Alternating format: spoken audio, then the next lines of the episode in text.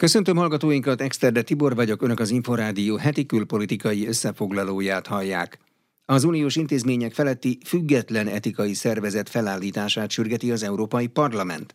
A tavaly év végén kipattant korrupciós botrány miatt a testület újabb reformokat is szorgalmaz. Részletek Varga Mónikától. Tavaly év végén robbant ki az Európai Parlament elmúlt éveinek legnagyobb korrupciós botránya. Éva Kylie az EP egykori szocialista alelnökét és négy társát december 9-én vették őrizetbe a belga hatóságok. A gyanú szerint ugyanis Katar érdekében jártak el az EU-ban kenőpénzért és ajándékokért cserébe. Azóta még két szocialista képviselőt tartóztattak le. Az ügynyomán az EP képviselők egy független etikai testület létrehozását sürgetik az uniós intézmények számára. A témában rendezett parlamenti vitán Trócsányi László Fideszes EP képviselő azt mondta, csak egy a tagállami parlamentek által létrehozott, az ellenőrzött személyektől elkülönülő, ténylegesen független szerv tudna hatékonyan fellépni a korrupció ellen. Saller Baros Ernő Fideszes EP képviselő szerint a tagállamoknak is megfelelő hatáskört kell biztosítani. Egy új független etikai testület létrehozása két feltétel esetén támogatható. Ha maradéktalanul tiszteletben tartják a szerződéseinket, a közös szerződéseinket, és megfelelő hatáskört biztosítanak a tagállamok számára. Vera Jurova, az Európai Bizottság alelnöke azt mondta, néhány hét múlva már tárgyalhatnak is az etikai testület létrehozásáról. I said clearly that we need the ethics body and the commission will propose uh, Egyértelműen szükségünk van az etikai testületre, így a bizottság javaslatot tesz rá, hogy az első terveket még márciusban megtárgyaljuk az uniós intézményekkel. A parlamenttel, a tanácssal, az Európai Központi Bankkal, az Európai Számvevőszékkel, az Emberi Jogok Európai Bíróságával, a Régiók Bizottságával, valamint a Gazdasági és Szociális Bizottsággal, hangsúlyozta Vera Jurova. Az EP képviselők a korábban bejelentettekre építve további szigorúbb reformokat is sürgetnek. Állásfoglalásukban a képviselők magatartási kódexének megsértése esetén visszatartó erejű szankciók, például pénzbírság bevezetését szorgalmazták. Emellett változtatnának az unión kívüli országok által fizetett utazások jóváhagyási eljárásán, valamint átvilágítási kötelezettséget írnának elő az európai parlamenti képviselők asszisztenseinek és az érzékeny szakpolitikai területeken dolgozóknak. Az EP ezentúl a civil szervezetekkel folytatott kapcsolattartást szabályzó rendeletek felülvizsgálatát is sürgeti. Varga Mónika, Inforádió 88,1. Távozik tisztségéből Nicholas Sturgeon, skót miniszterelnök indoklásában úgy fogalmazott, a skót függetlenség kivívásához olyan vezetőre van szükség, aki nála alkalmasabb a politikai ellentétek áthidalására. Kalapos Mihály összefoglalója. Nicola Sturgeon 8 éve áll a skót kormány és a Skóciában kormányzó függetlenségre törekvő skót nemzeti párt élén, emlékeztetett a Budapesti Corvinus Egyetem egyetemi docense. Szinte teljes többséggel tudott kormányozni három választás során is, és hát jövőre esedékesek a választások, főleg a skót függetlenségnek a kérdése az, ami az előtérben van a politikában, és úgy érzi, hogy ezt a kihívást, ezt valaki másnak kell most majd levezényelnie, hiszen nagyon megosztanak a vélemények, hogy pontosan milyen taktikával menjen előre a, a párt az új választások irányába. A skót függetlenség függetlenségről 2014. szeptemberében már tartottak egy népszavazást, akkor az elszakadást ellenzők győztek 55%-os többséggel. A skóciai népszavazás újbóli kiírása azonban a brit EU tagságról 2016-ban tartott referendum óta ismét folyamatosan napirenden van, miután az EU népszavazáson a skótok 62%-a arra voksolt, hogy az Egyesült Királyság maradjon az Európai Unió tagja. A legfőbb brit jogi fórum azonban novemberben olyan végzést hozott, amely szerint a skót parlament nem alkothat önállóan a brit kormány hozzájárulása nélkül törvényt az újbóli skóciai függetlenségi népszavazás kiírásáról. Ez is közrejátszhatott a skót miniszterelnök mostani lemondásában, mondta Gálik Zoltán függetlenség az továbbra is az előtérben van ennek ellenére.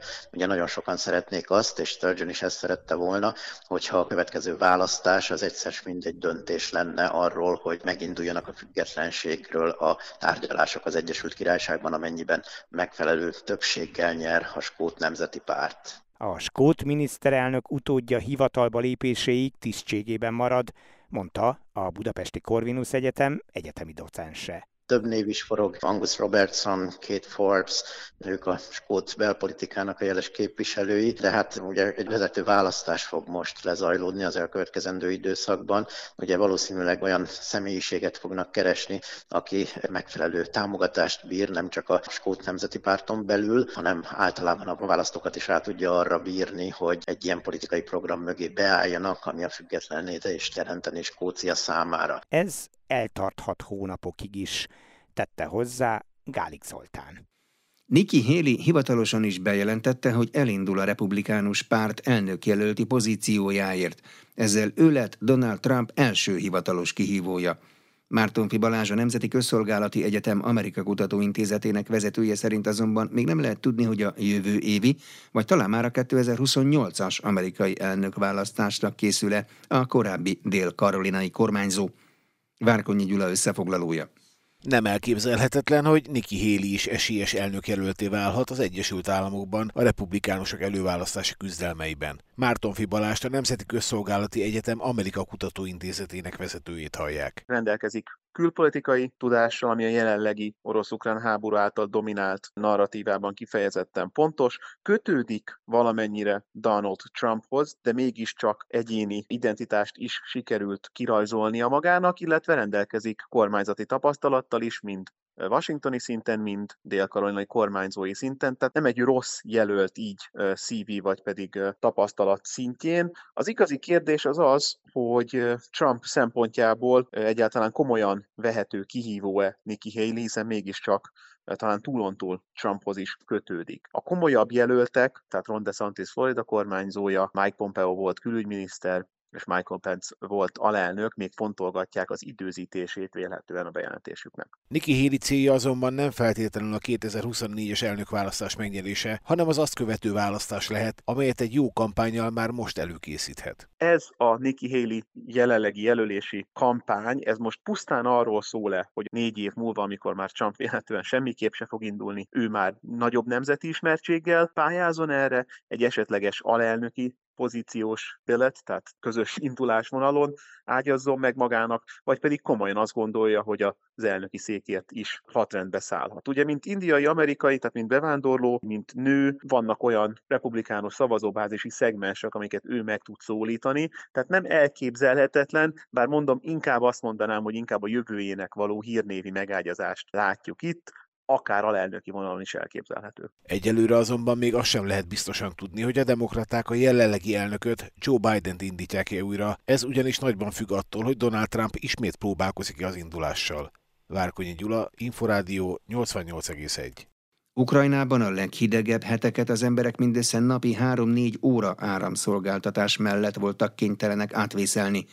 Sokaknál ilyenkor fűtés és víz sincs, több millióan tehetetlenül dideregnek a lakásaikban. A helyzet javulni látszik, kérdés, hogy meddig marad így. Simorita összefoglalója. Kárpátalját különösen súlyosan érintette az energiaválság, ugyanis a megyében tartózkodó több százezer menekült miatt megnőtt az energiaigény, de ezt az áramszolgáltató nem vette figyelembe az országos áramelosztásnál. Heteken keresztül napi 4-5, olykor csak 2-3 órát volt áram, ezzel megfosztva az embereket a fűtéstől és a víztől is. Ez okozta a legnagyobb nehézséget Englert Éváéknál is. A kárpátaljai nő másfél éves kisgyermeket nevel, akinek többek között a fürdetés is igencsak problémás volt az elmúlt időszakban. Nagyon nehéz volt, mert nincsen nekünk generátor se.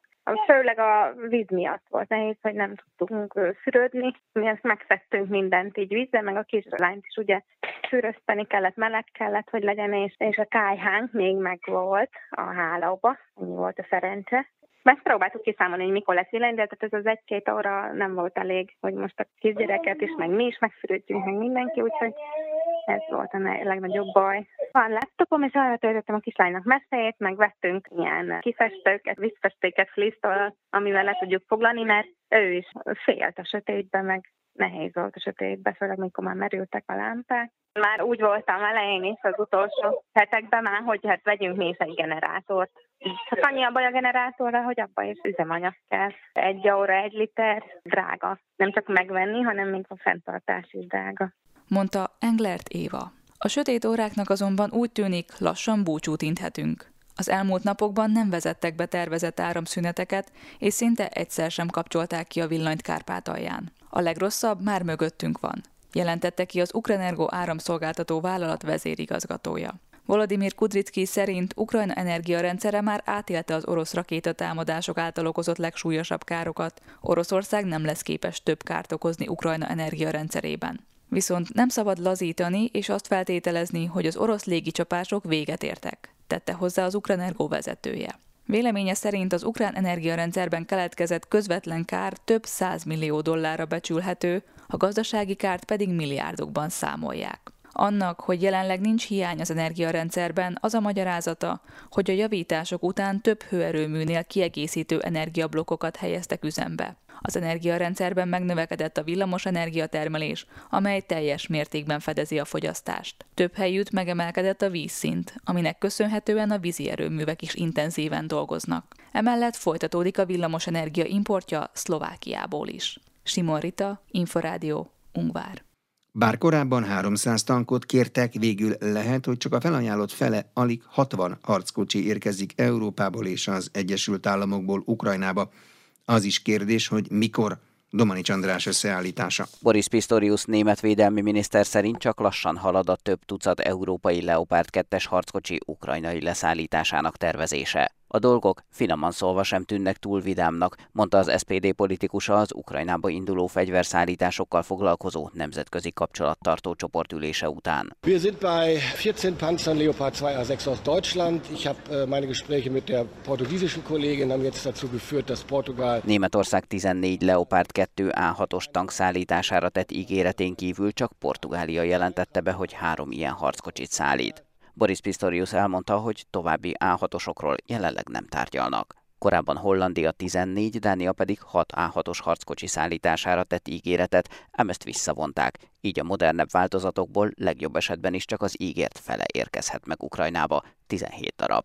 A régebbi Leopard 2 A4-es típusból Lengyelország 14, Norvégia 8, Kanada és Spanyolország 4-4 harckocsit ajánlott fel, ám a Lengyelországból érkező tankokkal problémák merültek fel azok állapotával és hadrafoghatóságával kapcsolatban, így a 30 helyett abból is lehet, hogy csupán a fele érkezhet meg Ukrajnába. Finnország is belebegtette Leopard tankok szállítását, ám azt a NATO tagságukhoz kötötték. Csiki Varga Tamás a Nemzeti Közszolgálati Egyetem Stratégiai Védelmi Kutatóintézetének tudományos főmunkatársa korábban az Inforádiónak azt mondta, ezek a harckocsik gyorsabbak, védettebbek és nagyobb tűzerővel rendelkeznek, mint a legtöbb orosz tank. 12 darab harckocsi az egy század nagyságrendet jelentett, az egy olyan minimális mennyiség, amit egyben érdemes alkalmazni. Ez nem jelenti azt a képességet, ami mondjuk egy nagy hadműveleti áttörést meg tud alapozni, de ez az alapegység, ami szokott működni. És hát az, hogy mikor érkezik, az azért fontos, mert az ukránok eredetileg 300 harckocsit emlegettek, tehát hogy annyi lenne a minimálisan szükséges az ő elképzeléseik szerint. Valószínűsíthetjük, hogy ennek nyilván a felhasználása azt jelentené, hogy az oroszok által megszállt területeket próbálnák ezekkel támadó hadműveletben visszaszerezni, és hát ahhoz, hogy a támadó hadművelet kellően széles front szakaszon indulhasson meg, és az áttörés az célzott legyen és még legyen, ahhoz azért egy vagy két harckocsi század az kevés. Az európai tervezett szállítások mellett sajtóhírek szerint az Egyesült Államok 30 Abrams tankot tervez Ukrajnába küldeni. A szakértő ugyanakkor felhívta a figyelmet arra is, hogy sem az európai, sem az amerikai harckocsikhoz nem érkezik személyzet. Azt ukrán katonákból a helyszínen kell majd kiképezni az adott járművekhez, ami szintén időbe telik, különösen a műszaki, üzemeltetői, javítói egységek esetében. Domani Csandrás, Inforádió 88,1. Mivel továbbra sincs jele annak, hogy Oroszország a békére törekedne, folytatni kell az Ukrajna számára nyújtott támogatásokat, jelentette ki a NATO főtitkára Brüsszelben a tagországok védelmi minisztereinek kétnapos tanácskozása után. Az esemény főszerepe az volt, hogy előkészítse a júliusi NATO csúcs találkozó témáit – Erről beszélgetett Kocsonya Zoltán a reggelinfóban Csiki Varga Tamással, a Nemzeti Közszolgálati Egyetem Stratégiai Védelmi Kutatóintézetének tudományos munkatársával. A NATO most már arra készül, hogy a, a 2030-as években zajló védelmi tervezés és képességfejlesztési ciklusát indítsa el, és ennek az alapozása zajlik tulajdonképpen most. Jelen pillanatban 30, hogyha Svédország és Finnország csatlakozik, akkor 32 tagállamnak kell összehangolni a védelmi képességfejlesztési erőfeszítéseit, hogy ez, ez szövetségként is működni tudjon, és ezeknek az első lépéseit láttuk most. A NATO főtitkár is arról beszélt, de hát a legtöbb felszólaló is arra utalt, hogy továbbra is támogatást kell nyújtani Ukrajnának, mert hogy semmi jele annak, hogy Oroszország békére törekedne. Mennyire egységes most ebben a támogatásban a NATO? Most például lapinformációk arról szólnak, hogy az úgynevezett Leopard harckocsi koalícióból is mind több ország kezd visszalépni könnyű azt kommentálni hozzá, hogy egyébként ez csak egy üres ígéret volt, és senki nem akarja gyakorlatban megvalósítani, de kiindulhatunk nyugodtan abból is, hogy Ukrajnának az elsőleges érdeke, és ilyen szempontból a szövetségesek érdeke is az, hogy a Oroszországot egy éppen kibontakozó támadás kezdetén, közepén és a későbbi esetleges ukrán ellentámadás szempontjából ne lássák el napi szintű információkkal, hogy éppen mi az, amit Ukrajnának átadnak. Tehát én ezzel azért óvatos lennék, hogy ebből nem is lesz semmi, de valóban a mostani írek azok arról szólnak, hogy kevesebb, lassabban érkezik, később fog érkezni, de azért ezt majd meglátjuk március-április környékén. És a vadászgépek esetében, mert a vadászgépek tekintetében talán még több vita volt nem látom azt a, a racionális keretet, aminek a keretében valóban át akarnák adni a, a NATO tagállamok, hiszen ezeknek nem csak a logisztikai szempontból, meg kiképzés szempontból a követelményrendszere sokkal magasabb, illetve hosszabb távon működő dolog, hanem, hanem egy más minőséget képvisel a hadviselésben. Ahogy egyébként a médiában sokszor ez meg szokott jelenni egy ilyen eszkalációs lépés, egyébként én ezt nem kifejezetten támogatom. Lényeg a lényeg, hogy a háborúnak a jelen szakaszában én ezt nem tartom reálisnak, hogy vadászgépeket adjanak át. Ez majd későbbiekben, ha Ukrajna valóban talpon tud maradni, és a a nyugati szövetségesekkel szoros kapcsolatot ápol, akkor az újrafegyverzésnek lehet esetleg egy eleme. Láthattuk az elmúlt időszakban, hogy a háború nyomán minden NATO tagállam a honvédelmi kiadások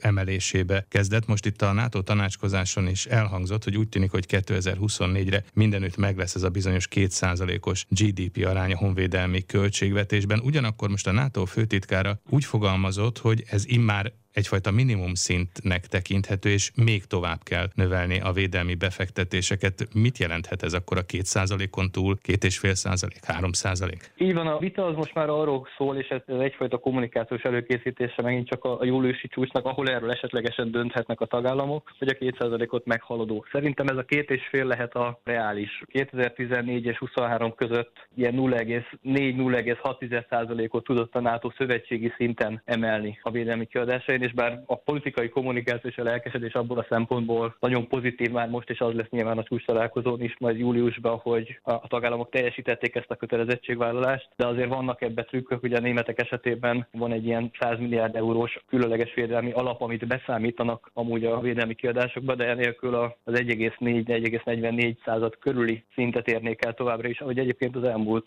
tíz évben szinte folyamatosan, tehát azért ez, ez is egy kicsit játék a számokkal. Téma volt a mostani NATO tanács tanácskozáson Finnország és Svédország NATO csatlakozásának ratifikálása is. Lehet itt még akadály vagy fennakadás? Talán magyar oldalról kevésbé, már Magyarország is azt ígérte korábban, hogy meg lesz ez a ratifikáció február elejére, hát most ugye február közepén is túl vagyunk, de török részről lehet esetleg még akadály? A magyar kommunikáció mert tavaly májusban is az volt, hogy nincsen semmiféle akadály a dolognak, és nem is fogalmazott meg a magyar kormány semmilyen olyan igényt vagy, vagy elvárást, amit a csatlakozni kívánó országoknak teljesíteni kellene, szemben Törökországgal. És ugye az a, a magyar álláspont, hogy nem utolsók leszünk, akik ratifikáljuk. Tehát nyilván itt a háttérben arra várunk, várnak, hogy Törökország is döntsön. Ott pedig a választások a a döntő pont, hiszen addig ez belpolitikailag egy nagyon jól eladható téma, hogy Erdogan elnök védi a török nemzeti biztonsági érdekeket. NATO szempontjából nyilván az lenne, és a csatlakozni kívánó államok szempontjából is az lenne a legideálisabb, ha ezt a júliusi csúcson lehetne ünnepélyes keretek között bejelenteni, és addig erre van esély, az abszolút addig bele kell, hogy férjen. A török fél álláspontját azt majd meglátjuk, hogy tudják-e addig megfelelő mértékben engedményekkel masszírozni. Csiki Varga Tamást a Nemzeti Közszolgálati Egyetem Stratégiai Védelmi Kutatóintézetének tudományos munkatársát hallották. Menedékhegyekre, mobil konyhákra és higiénés csomagokra van most a legnagyobb szükség a földrengés sújtotta térségben, tájékoztatta az Inforádiót a Magyar Máltai Szeretetszolgálat Törökországban dolgozó vészhelyzeti munkacsoportjának vezetője. Szabján Imre szerint az emberek többsége nem hagyta el a régiót, és sokan továbbra is sátrakban próbálják átvészelni a fagyos éjszakákat. Imre Júlia interjúja. Beérkeztünk az országba, Ankarában a nagykövetség munkatársával egyeztettünk, utána Adánába folytattuk az utunkat. Ott az uniós mechanizmusnak a szakértőivel voltak egyeztetések, illetve a helyi katasztrófavédelemmel is egyeztettünk, illetve regisztráltuk magunkat. Ezt követően érkeztünk a földrengés a térségbe, Márásba töltöttük az elmúlt másfél napot. Több szervezettel, szervel is voltak egyeztetéseink. Yaman úrral is, aki a török parlamenti képviselő. Találkoztunk, egyeztettünk arról, hogy miben tudunk segíteni, ők hogy látják a helyzetet, és ezekből az információkból próbáljuk összerakni azt, hogy milyen programot tudunk majd itt elindítani. Most jelen pillanatban Hatay felé tartunk, útközben több kisebb településnek a felmérése a feladatunk, illetve folytatjuk ezeket a megbeszéléseket, találkozókat, és majd Hatály térségében Hassa településre fog érkezni a segélyszállítmányunk, ami keddi napon indult el, és útban van idefelé. Már a kamion is Törökországban van, tegnap Isztambulig jutott el, és majd a következő egy-két napban fog ide a térségbe érkezni. És mit tapasztalnak az eddigiekben? Miben tud a leginkább, vagy miben tudna a jövőben a leginkább segíteni a máltai szeretett szolgálat? Azt látjuk, hogy amiben elég nagy szükség van, az a menedékhelyek, akár sátros, akár konténeres változatban, illetve az ezekhez szükséges fektetőanyagok, takarók, hálózsákok, a másik, hogy van elég sok ponton befogadó hely, illetve hát sok helyen lényegében az utcákon vannak telepítve sátrak, és ugyan elég nagy erőkkel telepítettek hozzá kiszolgáló egységeket, például konyhákat, mobil konyhákat vagy ellátósátrakat, de hogy ezek a lépték miatt nem elégségesek, tehát egy ilyen irányú segítségnyújtás is potenciális lehet, akár egészségügyi téren vagy mobil konyhával. Értelemszerűen szükség van higiénés csomagokra. Itt is ugye a katasztrófának a kiterjedtsége az sok helyen nem teszi lehetővé, vagy csak kismértékben teszi lehetővé a szanitációs lehetőségekhez való hozzáférést. Ezen a vonalon is bőven van mit segíteni. Mely fázisban tart most ez a katasztrófa kezelés, tehát mikor kezdődhetnek meg ténylegesen ezek a helyreállítási munkálatok? Sok helyen folyik már, tehát a romok eltakarítása, az utakat javítják, vasúthálózatot, még néhány helyen folynak akár mentő munkálatok is, de ezzel párhuzamosan már egyre inkább a rom eltakarítás és a helyreállítás az, ami előtérbe kerül. A mindennapi körülmények milyenek most ott a térségben? Tehát van-e ivóvíz, áram, milyen egyáltalán az időjárás, tehát hogyan kell elképzelni a mindennapokat? A tegnap is az egy elég napos idő volt, viszont az éjszakák azok hidegek. Marásban van áramszolgáltatás, de például Tajba, ahova tartunk, ott ez még nem helyre, ahol továbbra sem áramszolgáltatás.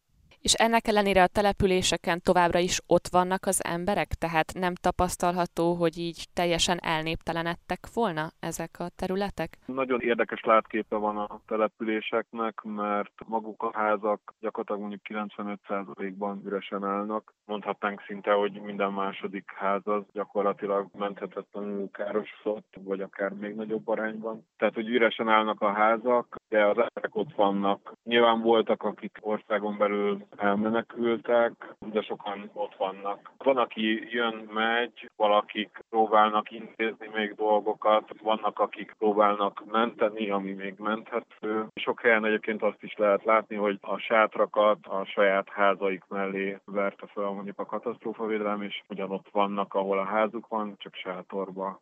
Szabján Imrét, a Magyar Máltai Szeretett Szolgálat vészhelyzeti munkacsoportjának vezetőjét hallották. Az elmúlt fél órában az Inforádió heti külpolitikai összefoglalóját hallották. Köszönöm figyelmüket, Megszterle Tibor vagyok.